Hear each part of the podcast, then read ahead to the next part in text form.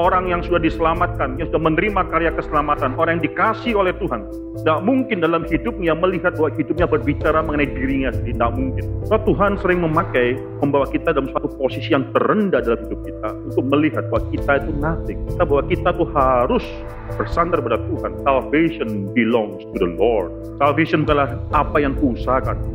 Keselamatan adalah milik daripada Tuhan. Bagaimana dengan hidup? Pertobatan apa yang harus kita miliki dalam diri kita?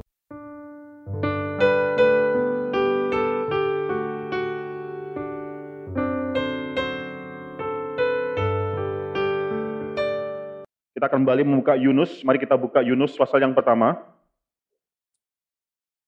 Kita akan masuk dalam pembahasan atau pembacaan daripada Yunus pasal yang pertama ayat yang ke-17 sampai Yunus pasal yang kedua ayat yang ke-10.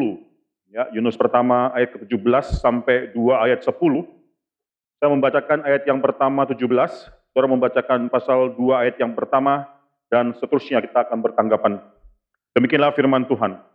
Maka atas penentuan Tuhan, datanglah seekor ikan besar yang menelan Yunus, dan Yunus tinggal di dalam perut ikan itu tiga hari, tiga malam lamanya.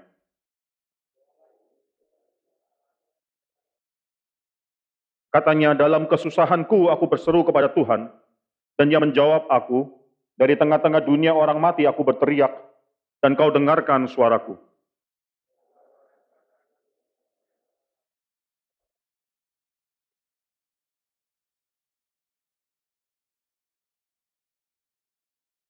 Dan aku berkata, telah terusir aku dari hadapan matamu.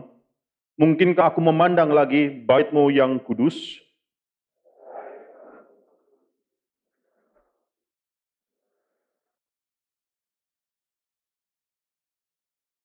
Di dasar gunung-gunung aku tenggelam ke dasar bumi. Pintunya terpalang di belakangku untuk selama-lamanya. Ketika itulah engkau naikkan nyawaku dari dalam liang kubur, ya Tuhan Allahku.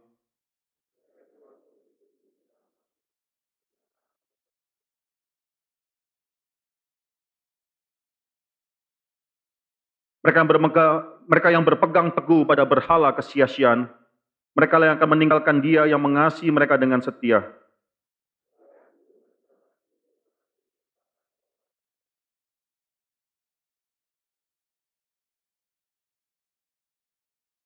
Lalu berfirmanlah Tuhan kepada ikan itu dan ikan itu pun memuntahkan Yunus ke darat.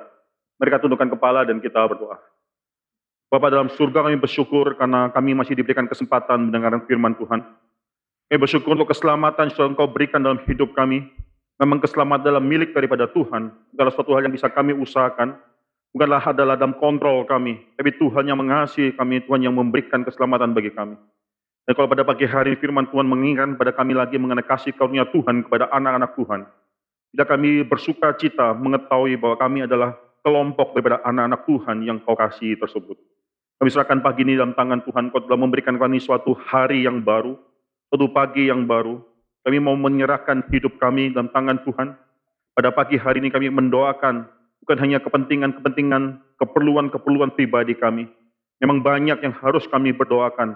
Berkenan dengan diri kami, berkenan dengan keluarga kami. Tapi lebih banyak lagi pekerjaan-pekerjaan Tuhan yang harus kami pikirkan, yang harus kami gumulkan, yang harus kami ingat, yang harus kami doakan ya Tuhan. Berilah berban doa dalam hidup kami. Berilah suatu sukacita berdoa dalam hidup kami. Kami serahkan pemberitaan firman Tuhan ini dalam tangan Tuhan. Berbicaralah kepada domba-domba Tuhan melalui hambamu. Kami berdoa menyerahkan hati kami, pikiran kami. Dalam nama Tuhan Yesus Kristus kami berdoa dan mengucap syukur. Amin.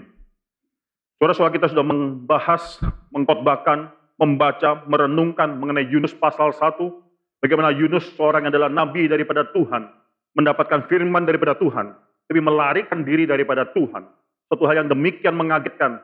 Yunus tidak mau diperintah oleh Tuhan. Ini suatu hal yang kita pelajari Yunus demikian membenci kota Niniwe tersebut. Yunus mengetahui bahwa Tuhan adalah Tuhan yang penuh dengan kasih. Yunus tahu bahwa ketika Tuhan memerintahkan dia untuk pergi ke Niniwe, pasti adalah untuk memberitakan kasih karunia Tuhan kepada bangsa yang dia benci tersebut. Maka di sana dia melarikan diri jauh daripada hadapan Tuhan.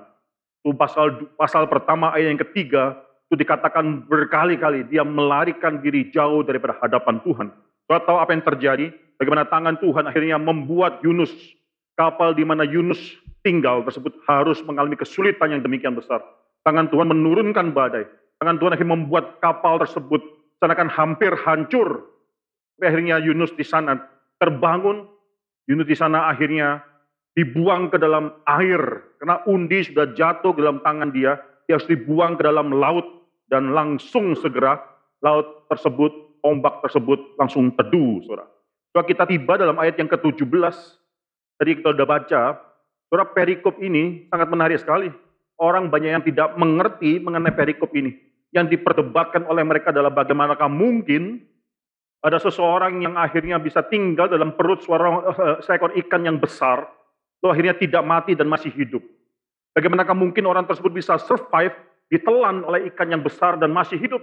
Ada orang yang terus memperdebatkan lagi mengenai ikan apa, macam macam ikan apa ini, yang dia bisa menelan seorang dewasa bulat-bulat. Bahkan ikan yang besar, sperm whale misalnya, itu memiliki suatu tenggorok, eh, tenggorok yang yang demikian kecil, yang bahkan jeruk pun tidak bisa masuk. Walaupun demikian besar makanannya cuma plankton. Bagaimanakah mungkin ini akhirnya seekor, maaf, seorang dewasa akhirnya bisa masuk ke dalam tenggorokan dan masuk dalam perut ikan yang besar tersebut. Saudara kita tidak pernah tahu ikan apa yang disebutkan di sini, saudara. Belum tentu ikan besar ini adalah ikan sperm whale, belum tentu juga. Tapi yang poinnya, Alkitab bukan sedang memperdebatkan, mempermasalahkan mengenai semua hal ini. Alkitab bukan mempermasalahkan bagaimana Yunus bisa bertahan dalam perut ikan selama tiga hari, tiga malam. Apalagi Alkitab juga tidak mempermasalahkan, tidak sedang memperdebatkan, sedang mendiskusikan bagaimana mungkin Yunus akhirnya bisa ditelan oleh ikan yang besar tersebut. Poinnya bukan mengenai hal-hal itu, apalagi mengenai ikan macam apa. Bukan itu. Kau perhatikan di sini, Yunus pasal 1 ayat ke-17, sampai Yunus pasal 2 ayat ke-10, itu dimulai dengan Tuhan, diakhiri dengan Tuhan, dan tengah-tengahnya bicara mengenai Tuhan. Itu poin yang paling besar yang harus kita terima di saat ini, saudara. Pasal 1 ayat 17, maka atas penentuan penentuan Tuhan, datanglah seekor ikan besar yang menelan Yunus. Luar biasa sekali ketika Yunus sudah berontak melawan Tuhan. Dalam rencana Tuhan, Tuhan sudah mengirim, mempersiapkan satu ekor ikan besar tersebut. Jauh sebelum Yunus mungkin turun ke Yapo, saudara, Tuhan sudah mengirim seekor ikan besar yang akan terus mungkin mendampingi kapal tersebut, menantikan kapan Yunus dilemparkan daripada kapal tersebut dan dia akan menelan. Karena ikan besar itu adalah suatu hal yang sudah ditentukan oleh Tuhan, bukan untuk menghakimi Yunus, tapi justru untuk menyelamatkan Yunus.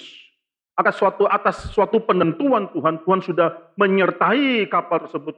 Dalam ombak yang demikian besar, ada ikan di bawah kapal tersebut yang akan mempersiapkan, dipersiapkan untuk menyelamatkan Yunus. Semua dalam rencana daripada Tuhan. Semua dalam kerja daripada Tuhan. Dan di sini saudara, Tuhan sudah bekerja ketika manusia tidak melihat apa pun. Ketika manusia hanya melihat suatu hal di mana Tuhan mungkin amarah kepada Yunus. Ombak yang demikian besar yang turun pada saat itu. Kapal yang tidak bisa secure. Orang berteriak-teriak pada ilah-ilah mereka.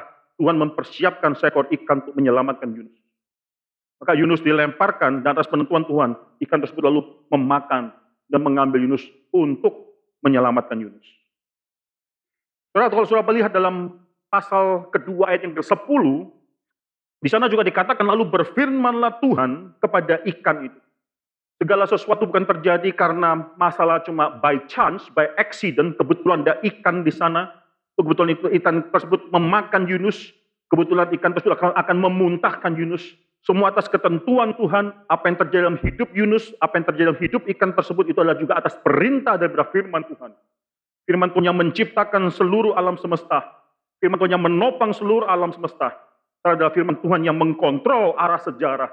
Firman Tuhan di mana akhirnya seluruh alam semesta pun harus tunduk kepada penciptanya. Di sini akhirnya Yunus dimuntahkan atas perintah daripada firman Tuhan. Dan saudara jangan pikirkan tengah-tengah di sini adalah mengenai Yunus. Memang di sini banyak bicara mengenai Yunus, banyak bicara mengenai doa daripada Yunus, tapi perhatikan Yunus tidak berdoa mengenai dirinya sendiri. Yunus tidak berdoa mengenai apa dan kemalangan yang ada dalam dirinya dia. Doa Yunus adalah berkenan dengan Tuhan. Maka di sini perikop sengaja saya potong pada saat itu, yaitu ayat ke-17 daripada pasal yang pertama. Itu kita baca sekarang sampai pasal kedua ayat ke-10 dari awal sampai akhir bicara mengenai Tuhan. Terus sungguh luar biasa sekali dalam hidup kita, kita diberikan belas kasihan. Kalau kita bisa melihat dalam segala sesuatu dalam hidup kita, itu kita sedang menyatakan kemuliaan Tuhan. Dalam segala sesuatu yang kita lakukan, kita sedang dipakai oleh Tuhan untuk berbicara mengenai Tuhan. Orang yang sudah diselamatkan, yang sudah menerima karya keselamatan, orang yang dikasih oleh Tuhan, tidak mungkin dalam hidupnya melihat bahwa hidupnya berbicara mengenai dirinya sendiri, tidak mungkin. Maka di sini suara hal pertama yang sudah bisa pelajari dalam pembacaan Alkitab pada hari ini, firman Tuhan sedang berbicara mengenai kebesaran daripada Tuhan itu.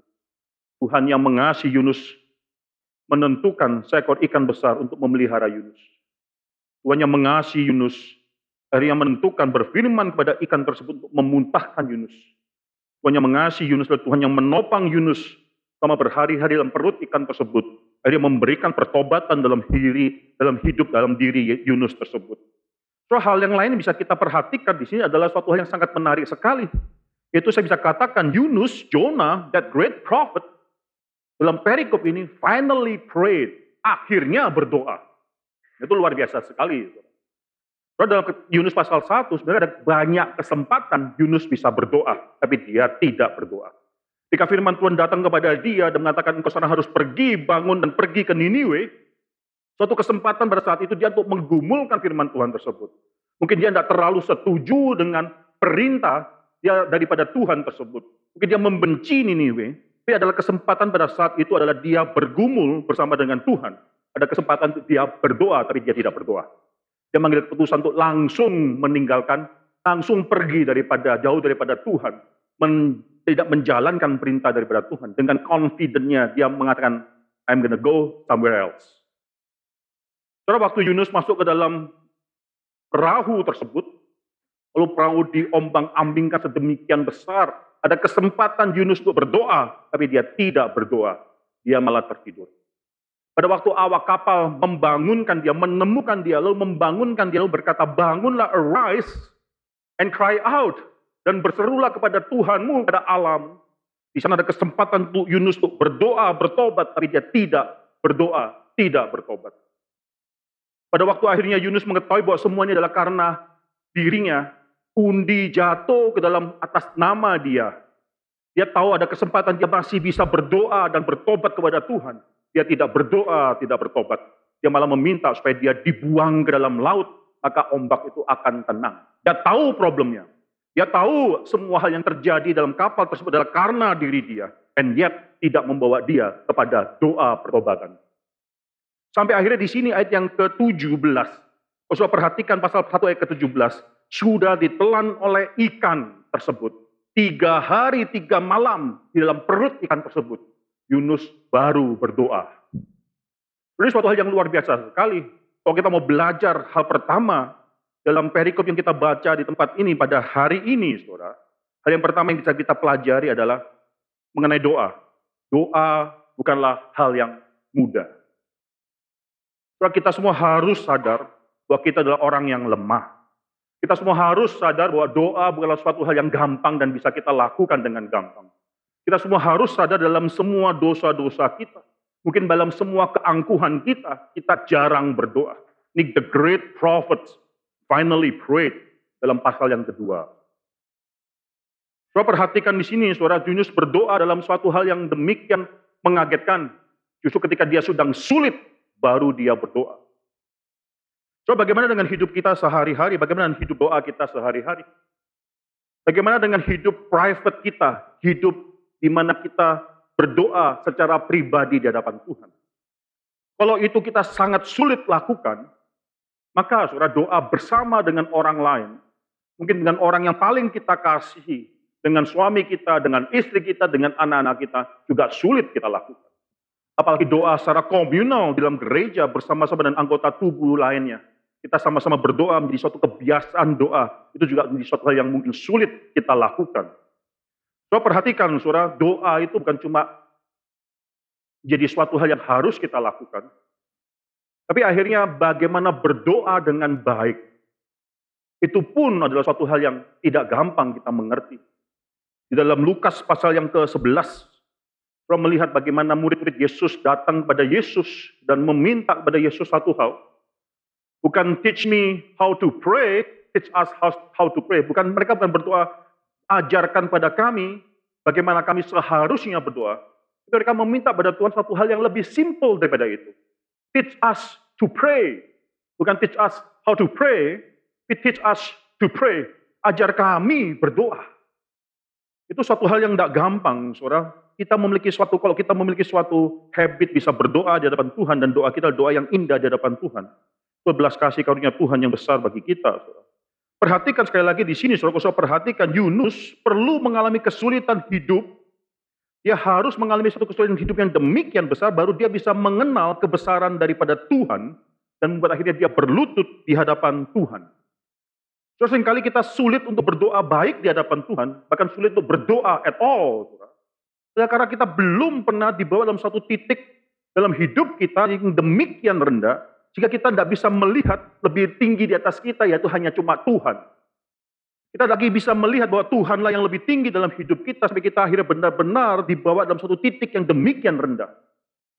Perhatikan dalam Yunus pasal yang pertama, saudara.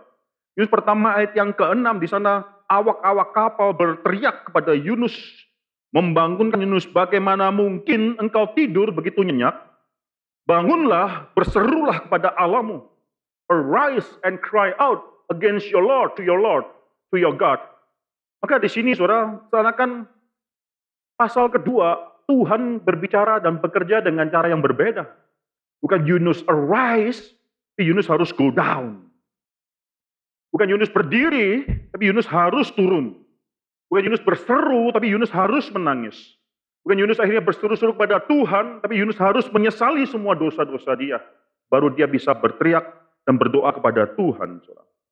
Alkitab mencatat, saudara, banyak sekali doa-doa yang terindah dalam Alkitab dikeluarkan oleh orang-orang pada waktu dia paling mengalami kesulitan hidup. Ini suatu ironis, suatu paradoks yang demikian luar biasa indahnya. Alkitab tidak mencatat ketika seseorang berdoa dengan indahnya itu karena dia lagi merasakan ada ada suatu hal yang up atau suatu high note dalam hidup dia. Tidak. Tapi pada low note, pada note yang terendah dalam hidup dia, dia mengutarakan doa-doa yang indah sekali.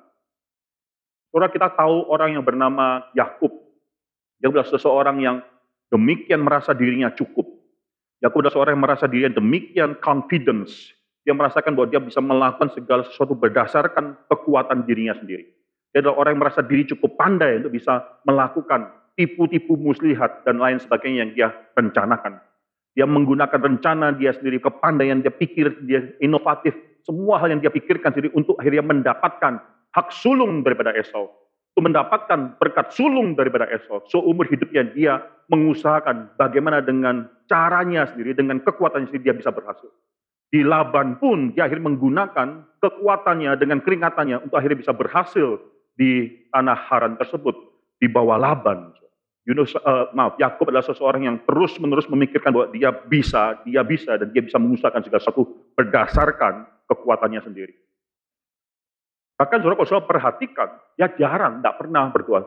Hanya satu kali dicatat dalam Alkitab dia berdoa. Kalau perhatikan dalam hidup dia, dia tidak pernah mengatakan bahwa Tuhan itu adalah Tuhanku. Dia selalu mengatakan Tuhan itu adalah Allah daripada nenek moyangnya Abraham, daripada ayahnya, daripada Ishak.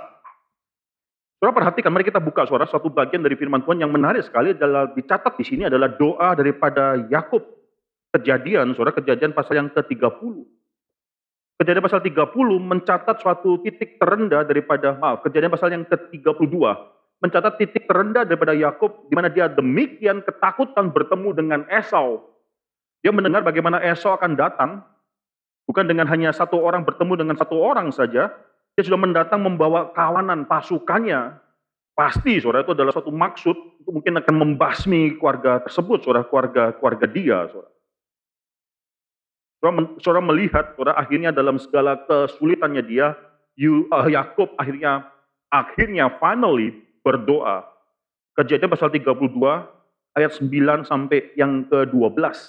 Itu adalah isi daripada doa daripada Yakub. Kalau saya perhatikan dalam seluruh kejadian, ini adalah doa yang terpanjang. Doa terpanjang dalam seluruh kejadian adalah doa daripada Yakub.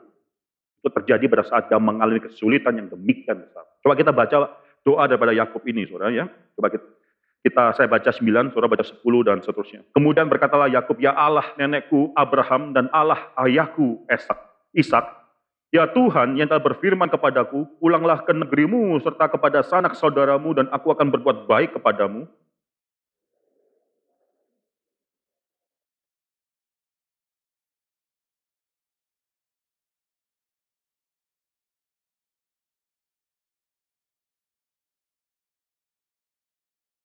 Lepaskanlah kiranya aku dari tangan kakakku, dari tangan Esau, sebab aku takut kepadanya. Jangan-jangan ia datang membunuh aku, juga ibu-ibu dengan anak-anaknya.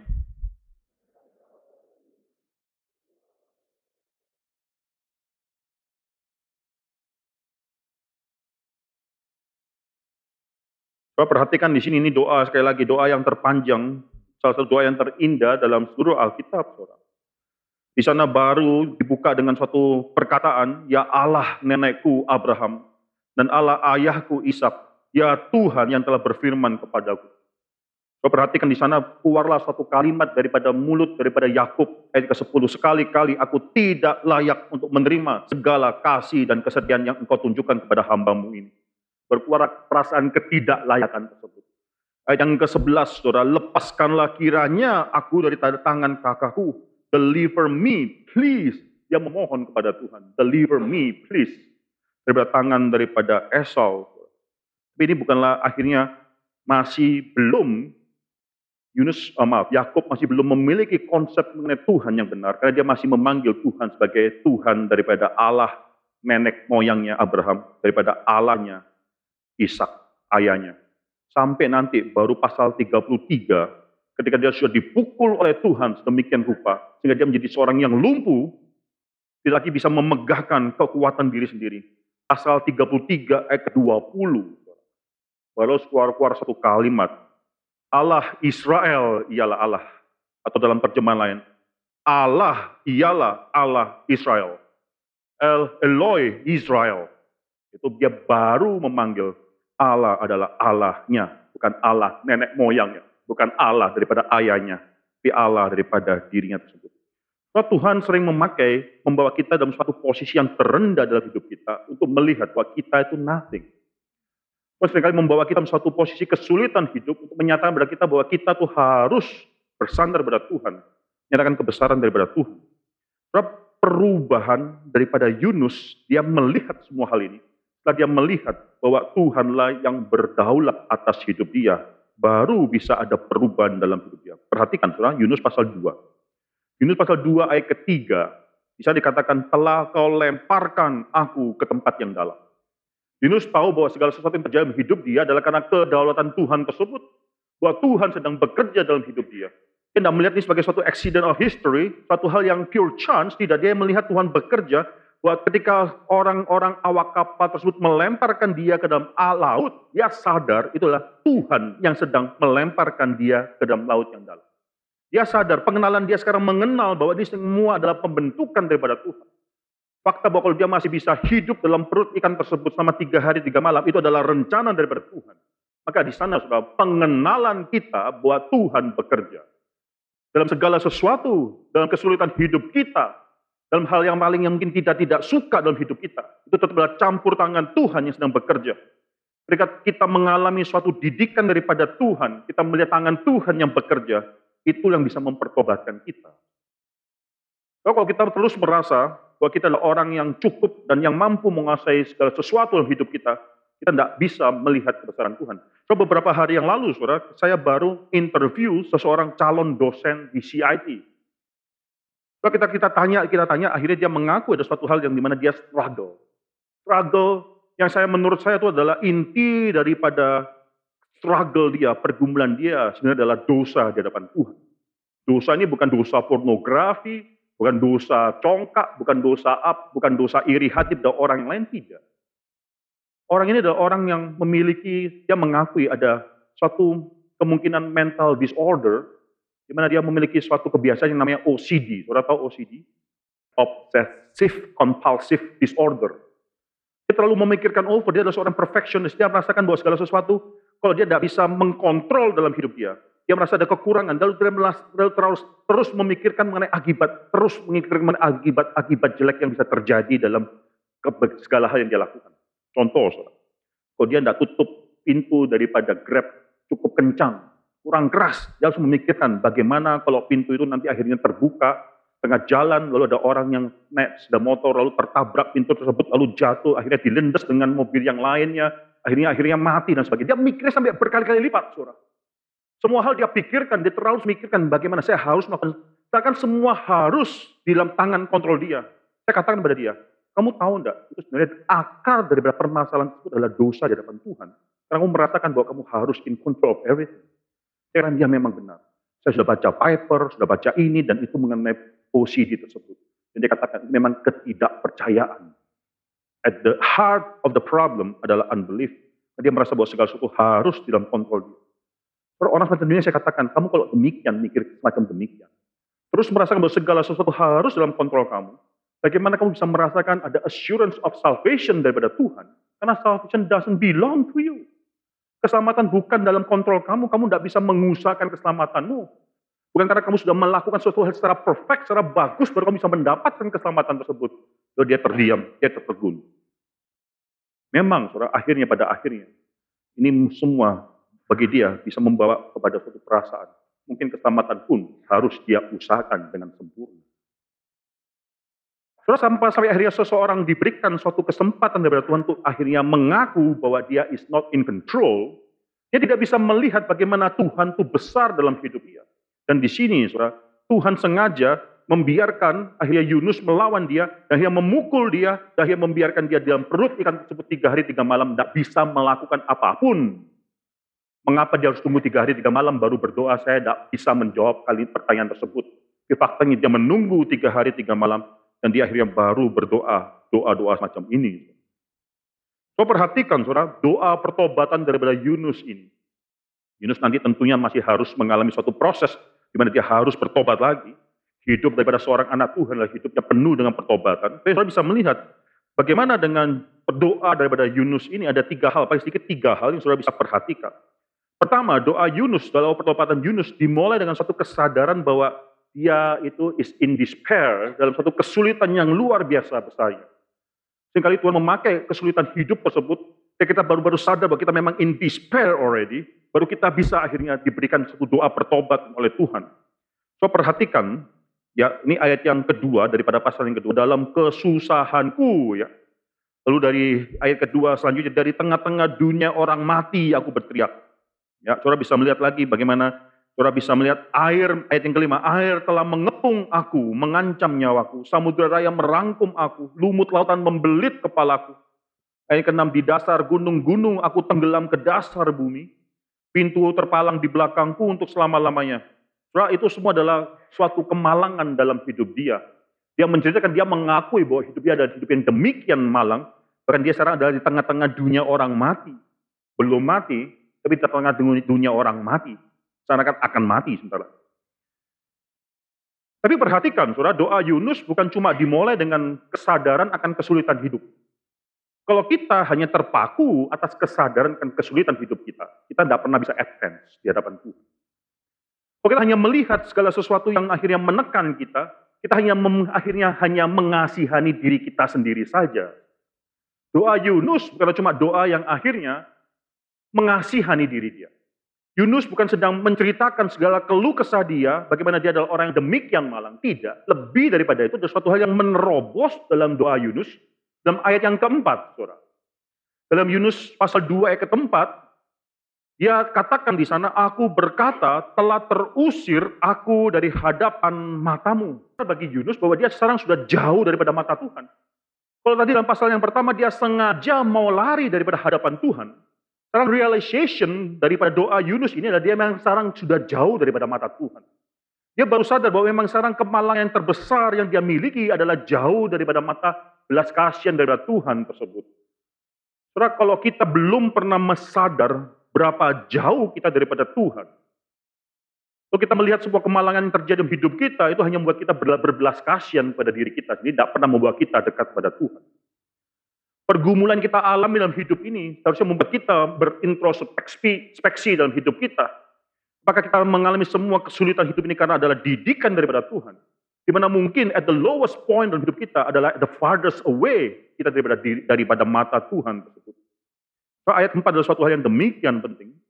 Dan aku berkata, telah terusir aku dari hadapan mata. Itu menjadi satu hal yang paling disayangkan oleh Yunus. Tidak berhenti di sana, hal yang kedua yang saudara bisa melihat dalam doa Yunus, karena dia tahu bahwa dia adalah anak Tuhan, dia memiliki satu kesadaran dia adalah anak Tuhan yang tidak mungkin dibuang oleh Tuhan selama-lamanya. Dan suatu pengharapan akas belas kasihan daripada Tuhan, pengharapan atas keselamatan daripada Tuhan, ayat yang keempat pula, dalam bahasa Indonesia-nya sayang diterjemahkan sebagai demikian. Mungkinkah aku memandang lagi baitmu yang kudus? Di suatu pertanyaan, di suatu uncertainty, masih mungkinkah aku melihat lagi baitmu yang kudus? Dalam bahasa asli, dalam bahasa Inggris, saudara bisa melihat itu bukan suatu pertanyaan, tapi suatu keyakinan. And yet, walaupun aku sekarang sudah jauh terusir dari hadapan Tuhan, and yet, aku akan melihat lagi baitmu yang kudus. Itu keyakinan daripada Yunus. Walaupun sekarang aku jauh, aku sedang mengalami suatu pemukulan pendidikan daripada Tuhan, and yet, aku masih akan melihat baitmu yang kudus tersebut. Ini adalah suatu kesadaran menghidup Yunus bahwa Tuhan bukan marah pada dia selama-lamanya. Ini adalah suatu kesempatan bagi dia untuk bertobat. Seseorang yang tidak diberikan kesempatan oleh Tuhan bertobat, tidak mungkin teringat lagi kepada kasih karunia dari Tuhan. Tidak mungkin. Tapi Yunus di sisi memiliki suatu keyakinan, yet aku akan memandang lagi baitmu yang kudus tersebut. Dia sadar ini adalah didikan daripada Tuhan sementara atas hidupnya. Itu yang membuat kita, membuat dia memiliki suatu turning point melihat kembali ke Tuhan yang mengasihi dia. Bukan hanya itu saja, saudara, kalau saudara perlihat, lihat ayat yang ketujuh, saudara. Ketika jiwaku letih lesu di hadapan di dalam aku, teringatlah aku kepada Tuhan, sampailah doaku kepadamu ke dalam baitmu yang kudus. Keyakinan dalam hidup Yunus. Bahwa dia sekarang berdoa, Tuhan tetap mendengarkan. Walaupun dalam ayat ke-6, dikatakan bahwa dia sudah jauh di dasar laut. Tuhan sudah demikian jauh, and yet doa seorang yang beriman, aku berdoa pertobatanku ini. Tuhan mendengarkannya. Saudara bisa melihat dari ayat yang ke-9, saudara. Aku dengan ucapan syukur, ku persembahkan korban kepadamu. Apa yang ku nasarkan akan ku bayar oleh satu kalimat. Di sini poin yang terakhir daripada doa Yunus yang demikian penting. Ada suatu kesadaran bahwa keselamatan adalah milik daripada Tuhan. Salvation belongs to the Lord. Salvation bukanlah apa yang kuusahakan. Keselamatan adalah milik daripada Tuhan. Sama adalah milik daripada Tuhan, oleh karena itu dia menyerahkan diri kepada Tuhan. Dan dia sadar dia adalah anak Tuhan yang sedang dididik. So, bagaimana dengan hidup kita? Bagaimana dengan hidup warga kita? Bagaimana dengan hidup gereja ini, saudara? Pertobatan apa yang harus kita miliki dalam diri kita? Pertobatan apa yang harus kita miliki dalam keluarga kita, dalam gereja ini? Mungkin saudara, tanpa Tuhan mengizinkan suatu hal terjadi hidup kita ganjaran Tuhan tiba dalam hidup kita. Kita tidak mungkin bisa sadar seberapa kosong kemegahan hidup kita ini. Tanpa ada ganjaran Tuhan datang dalam hidup Yunus. Dia tidak pernah tahu seberapa kosong nilai hidup dia. Saudara dalam pasal yang ketiga dan seterusnya, saudara akan melihat bagaimana bukan saja Yunus yang bertobat, tapi Yunus yang sudah akan membayar nasar dia tersebut. Dia sudah berjanji dia akan membayar semua janjinya di hadapan Tuhan. Dia akan pergi ke Niniwe dan pertobatan Yunus melahirkan, menjadikan pertobatan daripada Niniwe. Kita adalah anak-anak Tuhan, kalau kita bertobat, mungkin pertobatan kita pertobat yang tidak membawa dampak pada orang sekitar kita. Itu nanti nanti akan kita pikirkan, saudara. Tapi sekali lagi usah perhatikan dalam Yunus pasal yang keempat nanti. Yunus masih perlu mengalami proses. Yunus masih perlu mengalami bagaimana dia harus rendah hati di hadapan Tuhan. Yunus masih harus mengalami pertobatan demi pertobatan. Di sini, saudara, membuat suatu peringatan pada kita. Bahwa kita sebagai anak Tuhan tidak bisa bermegah di hadapan Tuhan. Hidup kita adalah hidup yang harus dipenuhi dengan pertobatan demi pertobatan di hadapan Tuhan. Mari kita tundukkan kepala dan kita berdoa. Bapa dalam surga kami bersyukur untuk semua hal yang sudah Tuhan berikan dalam hidup kami. Terutama kami bersyukur untuk keselamatan yang Tuhan berikan. Keselamatan yang bukan kami usahakan, tapi keselamatan yang dalam milik daripada Tuhan itu sendiri. Kami bersyukur ya Tuhan, kalau keselamatan adalah milik Tuhan dalam hidup kami. Kami adalah anak Tuhan yang dikasih oleh Tuhan. Maka ada ganjaran, ada didikan daripada Tuhan.